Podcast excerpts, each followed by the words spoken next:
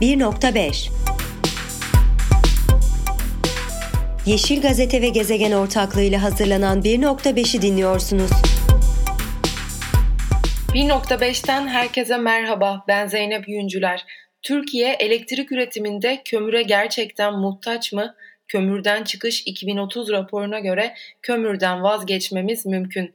Bu bölümde 5 soruda küresel sera gazı emisyonlarının neredeyse yarısına sebep olan kömürü Türkiye'nin ne zaman ve nasıl bırakabileceğini konuşuyoruz. Konuğumuz Sürdürülebilir Ekonomi ve Finans Araştırmaları Derneği Direktörü Bengisu Özenç. Ee, Bengisu hoş geldin. Merhabalar, çok teşekkürler davetiniz Merhaba. için. Ne demek, hoş geldin. Evet, Karbon Türkiye yolunda ilk adım Kömürden Çıkış 2030 raporu 2 ee, Kasım günü bir tanıtım toplantısıyla yayınlandı.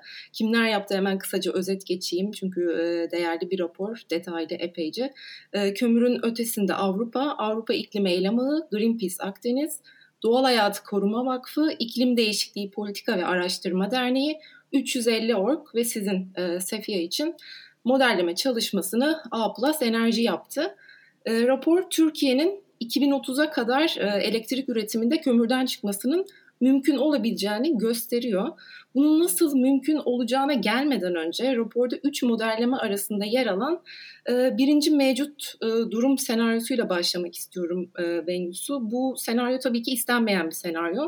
Çünkü Paris Anlaşması'nın bir buçuk derece hedefini gerçekleştirmekte engel. E, ki Türkiye Paris Anlaşması'nı onayladı. Ee, Türkiye'nin konumu şu an için bu bölüme daha yakın gibi gözüküyor demek herhalde yanlış olmaz. Ee, maalesef termik santralleri Türkiye hala e, desteklemeye devam ediyor çünkü. E, nitekim en güncel gelişme e, Cumhurbaşkanı Recep Tayyip Erdoğan 9 Kasım günü Akkuyu'dan sonra ikinci hatta üçüncü nükleer santral yapımına başlayacağız dedi. Burada hemen girişe şöyle başlamak istiyorum Bengüsü. Peki bu mevcut durum senaryosunda Türkiye 2030 yılında ne gibi sonuçlarla karşılaşır kısaca? Ve biraz belki veri verebiliriz. Yenilebilir enerjinin payı ne olacak? Yerli kaynak oranı ne olacak? E, teşekkürler. Hani güzel bir e, çerçeve sundun ne yapmaya çalıştık aslında sorusu çok önemli. Hani 2030 itibariyle Türkiye e, elektrik üretiminde kömürden çıkabilir mi sorusu çok önemli. Ben bu sorunun neden önemli olduğunu da bir kere daha altını çizmek istiyorum izninle. E, şimdi önümüzdeki hedef bir buçuk derecenin altında kalmak. 100 yıl sonu itibariyle küresel sıcaklık artışında e, bir buçuk derecenin altında kalmak. E, bunu yapabilmenin e, bir ara durağı 2050 yılı itibariyle yani 100 yıl ortası itibariyle net sıfır olmak. Net sıfır ne demek? İnsan kaynaklı emisyonların e, yutaklarla, doğal ya da teknolojik yutaklarla aslında e, eşit hale getirilmesi. Yani sıfır, e, net sıfır dediğimizde bu anlaşılmalı. Sıfır emisyon değil, net sıfır. E, bunu yapabilmenin başka bir ara durağı 2050 bizim için çok uzak aslına bakarsan. Çünkü e, işte politikacıları bir yandan da daha kısa vadeli ara hedeflere doğru e, teşvik etmek gerekiyor ki 2050 yılına geldiğimizde neden olmadı bu hedefe neden erişemedik demeyelim. 2050'ye net sıfıra erişirken ara hedefleri de aslında Uluslararası Enerji Ajansı'nın 2050 patikası raporu, net sıfır patikası raporu çok güzel özetliyor. 2030 yılında gelişmiş ülkelerin kömürden çıkması, 2040 yılına kadar da küresel olarak kömürden çıkışı öngörüyor bu rapor. Yani 2050'ye kadar bizim net sıfır olabilmemiz için 2030'u 2040 e, kömür açısından önemli eşik e, tarihler ve hatta şunu da söylemek lazım 2020 yılı itibariyle 2021 özür dilerim e, yeni hiçbir kömür santrali kömür sahası e, yapılmamalı bunu söylüyor. Yani yeni hiçbir kömür yatırımı yapılmamalı. Ama bunun üstüne 2030 ve 2040, 2040'da küresel olarak da kömürden çıkılmalı. Şimdi biz burada Türkiye'yi nereye yerleştiriyoruz? Yani Türkiye hep bir özellikle Paris an, e, konusunda pozisyonu hep e, sıkıntılıydı. İşte ekler mevzu vardı. E, eklerde Türkiye'nin gelişmiş ülkeler arasında sıralanıyor ol, olması zaten bugüne kadar Paris'in onaylanmasının önünde bir engel oldu. Ee, yani Türkiye 2030 ama hadi olmadı 2040'a kadar kömürden çıkmalı diye bir e, şeyimiz olmalı önümüzde. Eğer bu küresel hedeflere erişmek istiyorsak. Peki bu teknik olarak mümkün mü? E, raporun sorusu da buydu zaten. E, mevcut durum senaryosunun altında aslında bunun zaten böyle bir odakla bir enerji politikası yürütülmediği için mevcut şartlar altında bunun mümkün olmadığını görüyoruz. Mevcut durum senaryosu bize ne, de, ne diyor? Enerji politikalarının mevcut haliyle de devam edeceğini söylüyor. Mevcut durumun içerisinde ne var? Yerli kömür santralleri için uygulanan alım garantileri var. Kapasite mekanizması ödemeleri var. Kapasite mekanizması ne demek? Aslında bu santrallerin ayakta durabilmeleri için, üretime devam edebilmeleri için onlara yapılan ödemelerden bahsediyoruz. Ee, işte herhangi bir karbon fiyatlandırma mekanizması bulunmuyor mevcut durum senaryomuzun altında. Yani şu anda olduğu gibi. Karbon fiyatlandırmasının olmaması ne demek? Aslında termik santrallerin bir yandan teşvik alırken hani yap e, bu faaliyetlerini sürdürmeleri için bir yandan da yarattıkları dışsallıklara hani karbonun yarattığı e, hem iklim değişikliği, sağlık etkileri ya da diğer ekolojik etkiler gibi e, hiçbir zararı, e, negatif dışsallığı aslında ödemiyor olması durumu. Bu da bir teşvik aslına bakarsan. E, bu gibi hani teşviklerle mevcut durum senaryosu altında kömür yatırımları olduğu haliyle devam ediyor. Tabii çeşitli varsayımlar da var. İşte elektrik talebi e, tahminleri var. E, Türkiye'nin gayri safi yurt içi hasılasıyla büyümekte olan bir e, elektrik talep tahmini. Burada en çok sorulan sorulardan bir tanesi enerji verimliliğini göze aldık, göz önünde bulundurduk mu? Evet, elektrik talebi tahmininde bir verimlilik artışı varsayımı da var.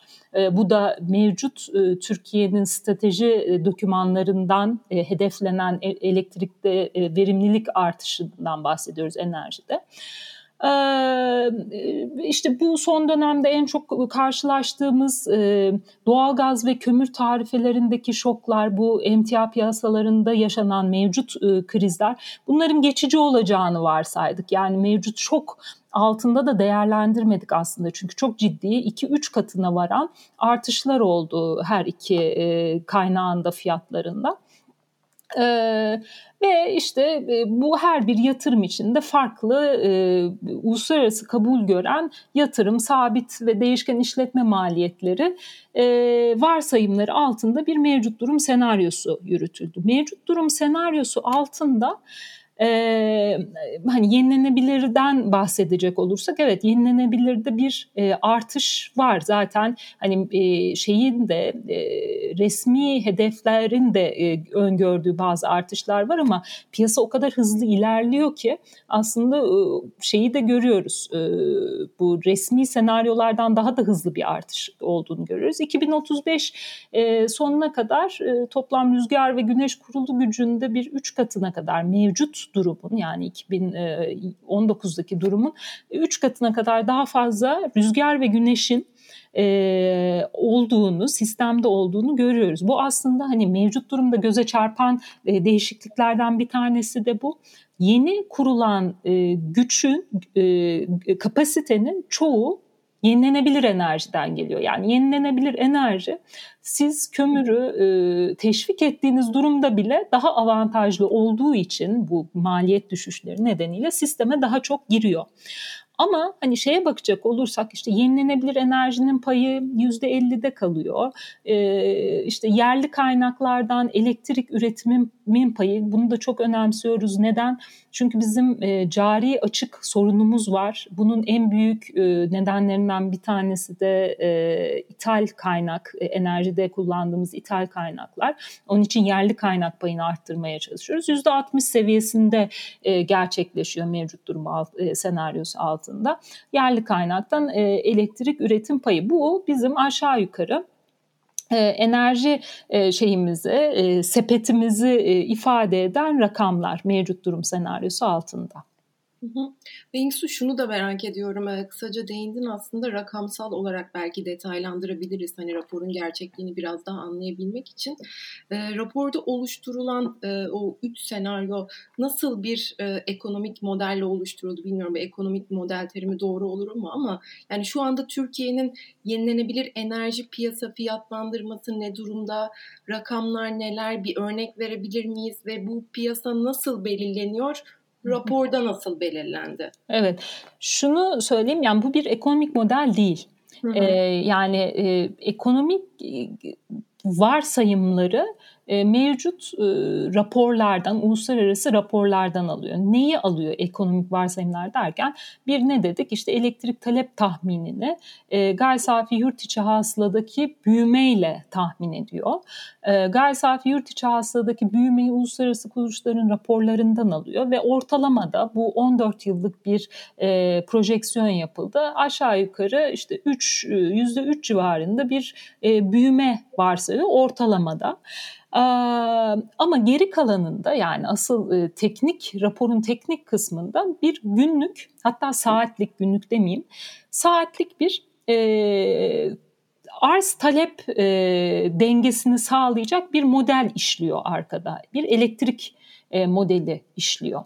Yani ne yapıyor bu elektrik modeli de? E, piyasa fiyatları altında e, her bir e, bahsettiğim gibi her bir e, elektrik e, şeyinin, santralinin hangi maliyetlerde işlediğini biliyoruz. Piyasa takas fiyatının oluştuğu noktada en ucuz e, kaynaktan itibaren bu e, talep karşılanmaya başlıyor, elektrik talebi karşılanmaya başlıyor e, ve şeye geldiği zaman hani talebin tamamının karşılandığı ve piyasa takas fiyatının üstünde kalan e, yani maliyetleri çok daha yüksek olan santraller yavaş yavaş e, sistemden çıkmış oluyorlar. Zaten e, hani herhalde daha sonra e, konuşuyor olacağız. Bu alternatif senaryolarda yani kömürden çıkış senaryolarında asıl farkı yaratan da e, bu kömürün o bahsettiğimiz dışsallıklarının maliyetlendirilmesi yani daha maliyetli şekilde sistemde yer almaya çalıştığı zaman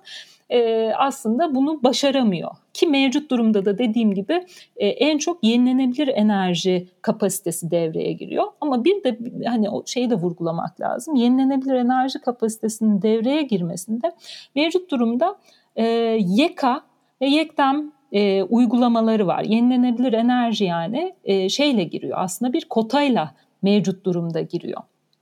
E, bu modelde varsayılan e, en önemli aslında varsayımlardan bir tanesi de e, rekabetçi bir şekilde yenilenebilir enerji kapasitesinin de tekrar devreye gireceği yani YEKDEM ya da YEKA gibi bir ihale yoluyla e, şey verilmiş e, verilmiş kapasitelerin olmadığı önden belirlenmiş kapasitelerin olmadığı diğer tüm e, elektrik e, sağlayıcıların olduğu gibi üreticilerin de olduğu gibi e, piyasa fiyatlarıyla birlikte enerji yatırımlarında hani yatırımcısının e, piyasaya girdiği ve istediği kapasitede e, santral kurabildiği bir e, elektrik e, sepeti öngörülüyor aslında. Burada böyle bir değişiklik var mevcut durumdan farklı olarak.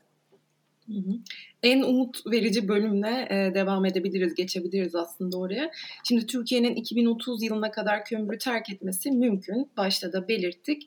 Raporda kirleten öder ilkesi e, çerçevesinde karbon emisyonunun fiyatlandırılmasıyla bunun mümkün olabileceği gösteriliyor. E, Türkiye'nin karbon emisyonlarını fiyatlandırması burada artık bir zorunluluk gibi. E, sonuçta Avrupa Birliği ülkeleriyle aramızda ciddi bir ticaret var. AB'nin sınırda karbon düzenleme e, mekanizması var. Ben bu mekanizmayı biraz somutlandırmanı isteyeceğim.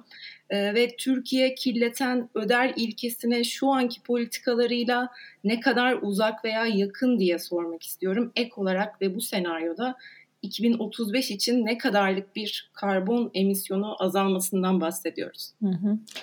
Sınırda karbon düzenleme mekanizmasından başlayayım. Aslında bizi Paris'e bu kadar yaklaştıran yani Paris'i onaylamamızı sağlayan hatta 2053 net sıfır gibi e, çok ciddi bir hedefin e, e, ortaya konulmasını sağlayan bir gelişme Avrupa'nın Avrupa Yeşil Mutabakatı'nı 2019 Aralık ayında açıklamasıydı.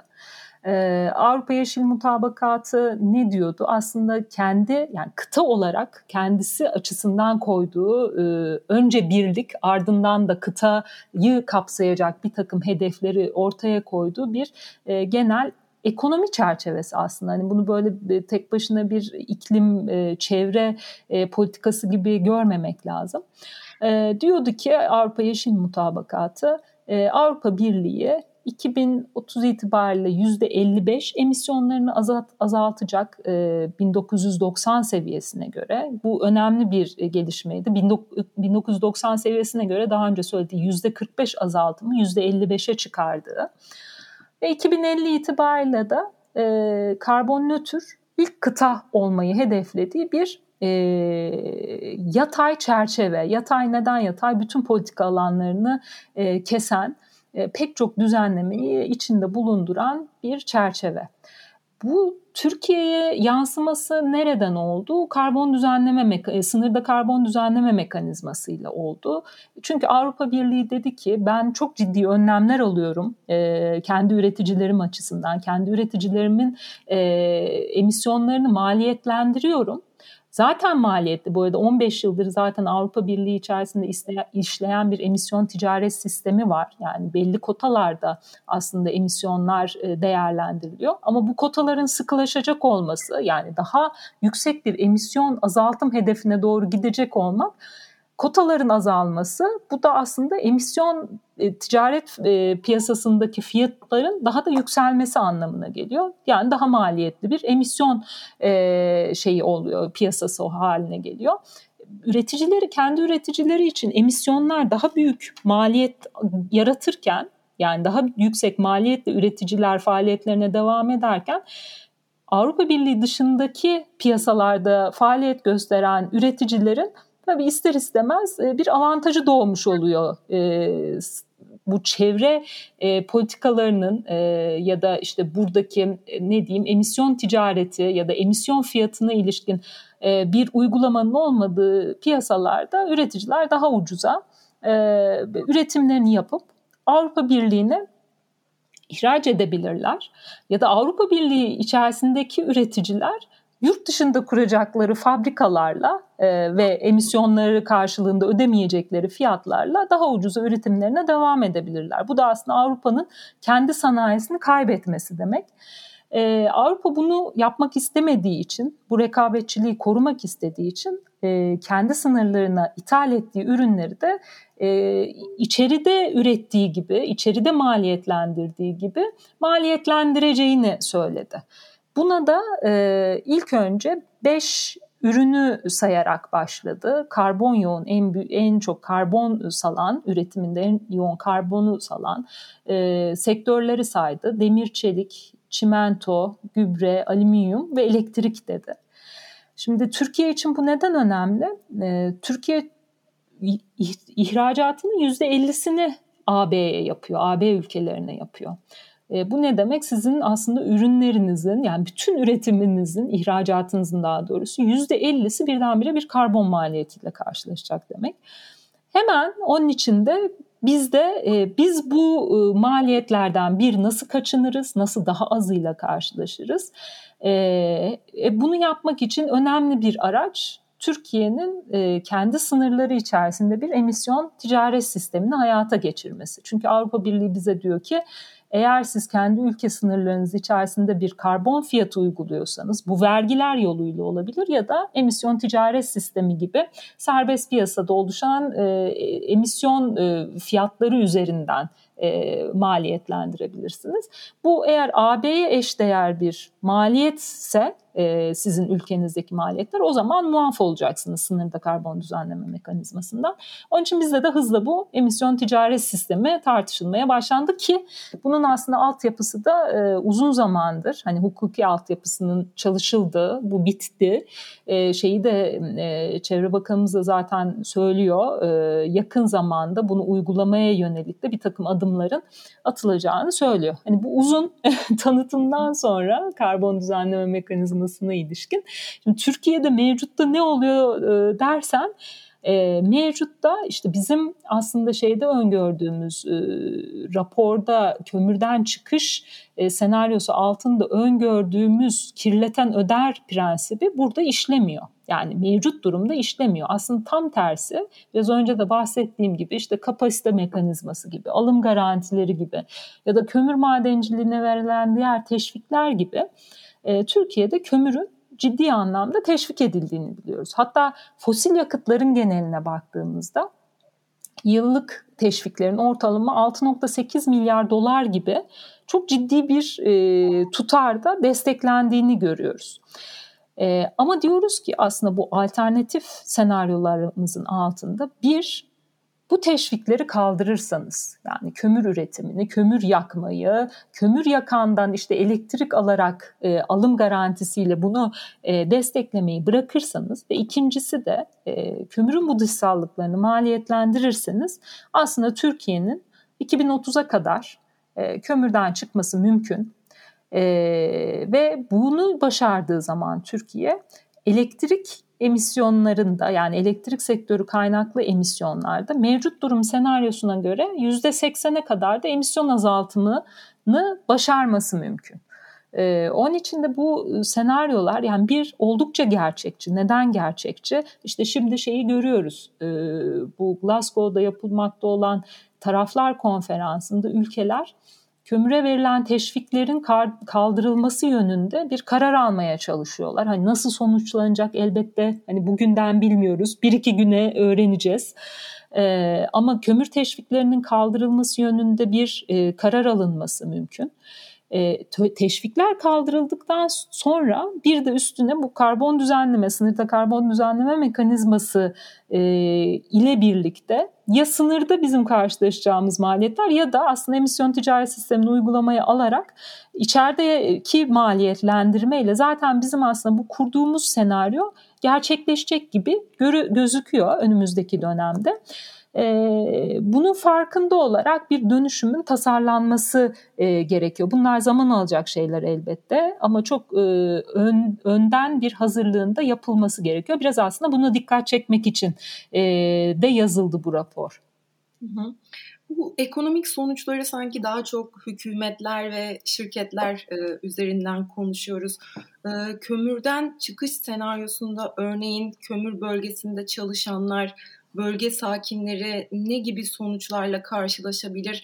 Raporda da aslında adil geçiş e, mekanizması vurgusu yapılıyor. Bu nasıl sağlanabilir Bengisu?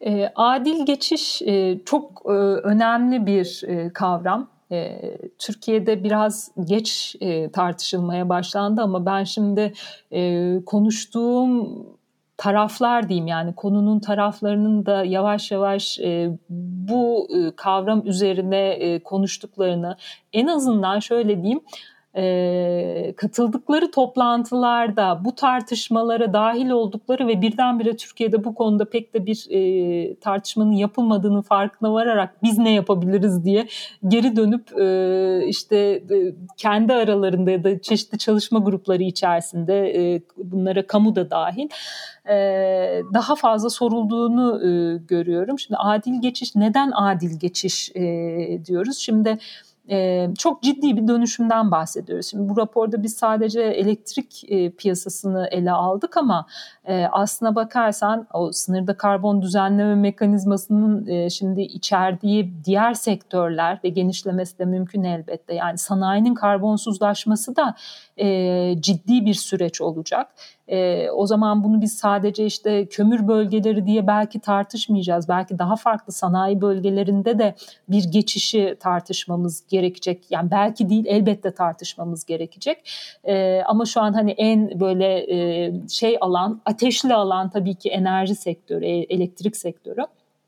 E, Burada tabii e, ne olmuş olacak? Bir yandan biz bu dönüşümden çok ciddi faydalar bekliyoruz. Hani e, sosyal faydalar bekliyoruz, sağlıkta iyileşme bekliyoruz, ekolojik olarak e, alanların korunmasını bekliyoruz. Yani kömürün, e, kömüre bağlı altyapıların verdiği zarar her ne ise e, bunların hepsinin hafifletilmesini bekliyoruz. Ama bir yandan da dediğin gibi bu alanda çalışan insanlar var.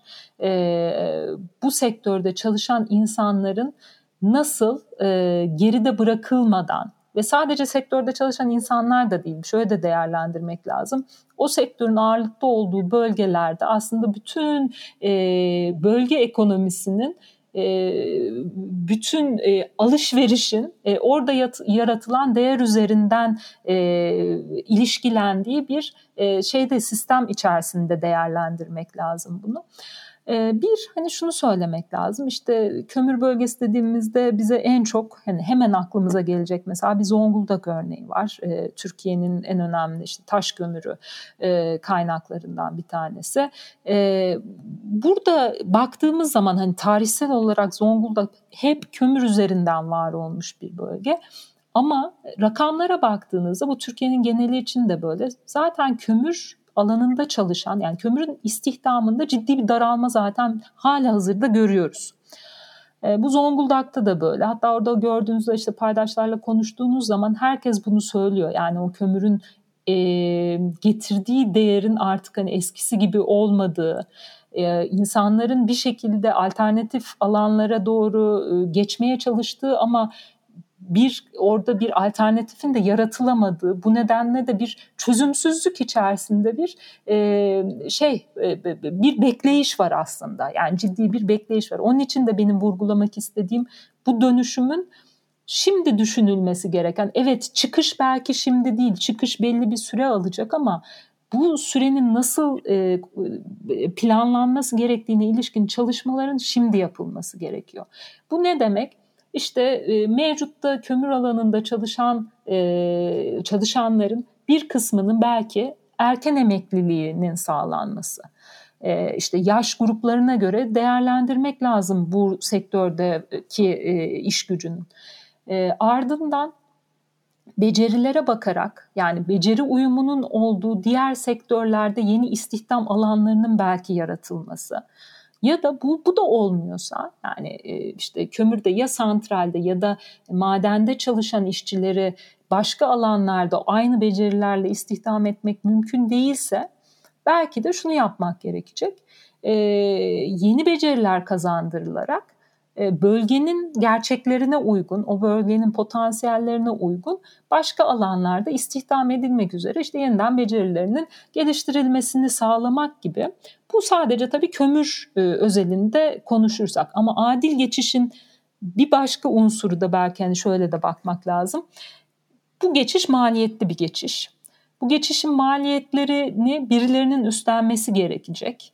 Ee, birileri üstlenirken en düşük gelir grubundaki hane halklarının da zarar görmediği bir e, maliyetlerin e, işte ne diyeyim nasıl dağıtılacağına ilişkin bir mekanizmanın da tasarlanması lazım. Yani adil geçişi ta, e, düşünürken e, bu maliyetlerin kime nasıl yansıtıldığı, işte e, özellikle düşük gelir grubunda baktığınız zaman hani enerji tüketimi, işte ısınma, e, işte elektrik tüketimi ciddi şekilde hani gelirleri içerisinde e, büyük pay alıyor.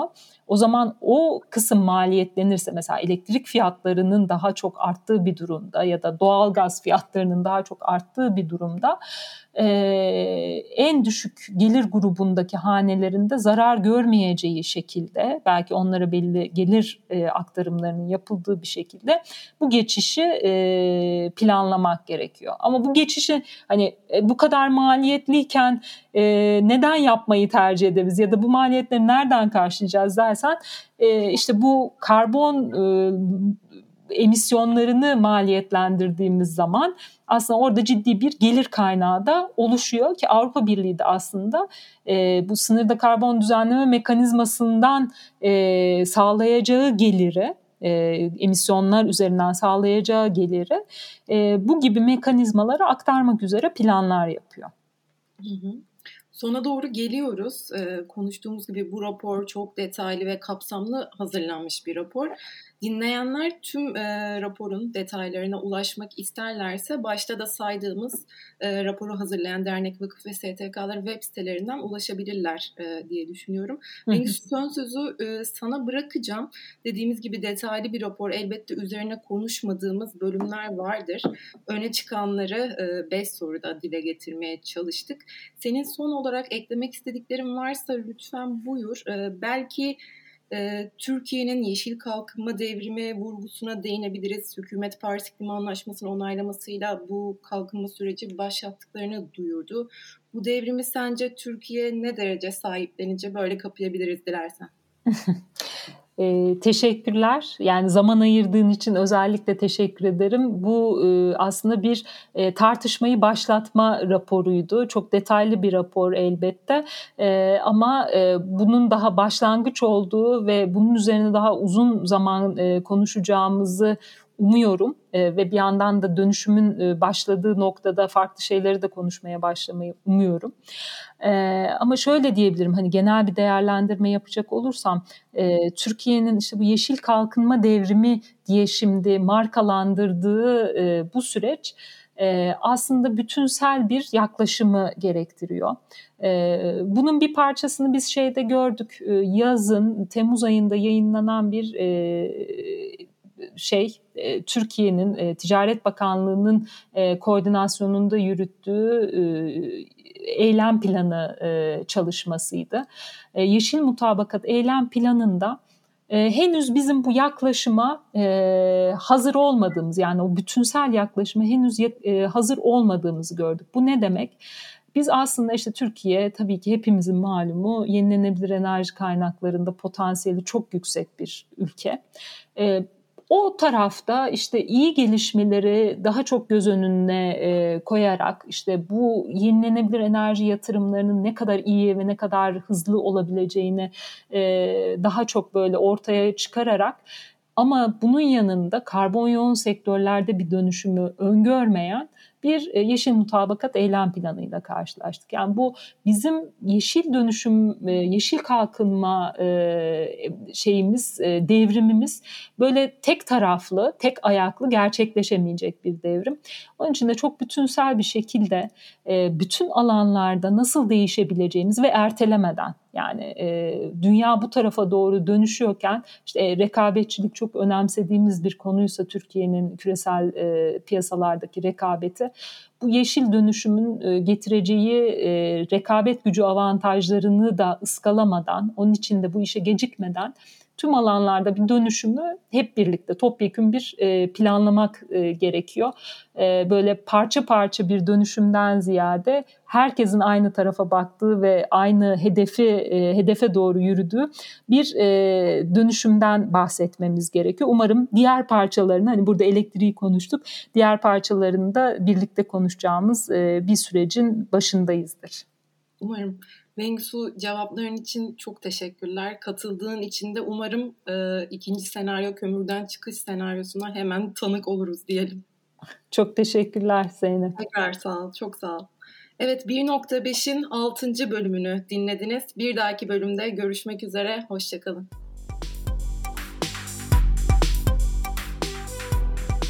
Podfresh teknik altyapısıyla hazırlanan 1.5'i dinlediniz.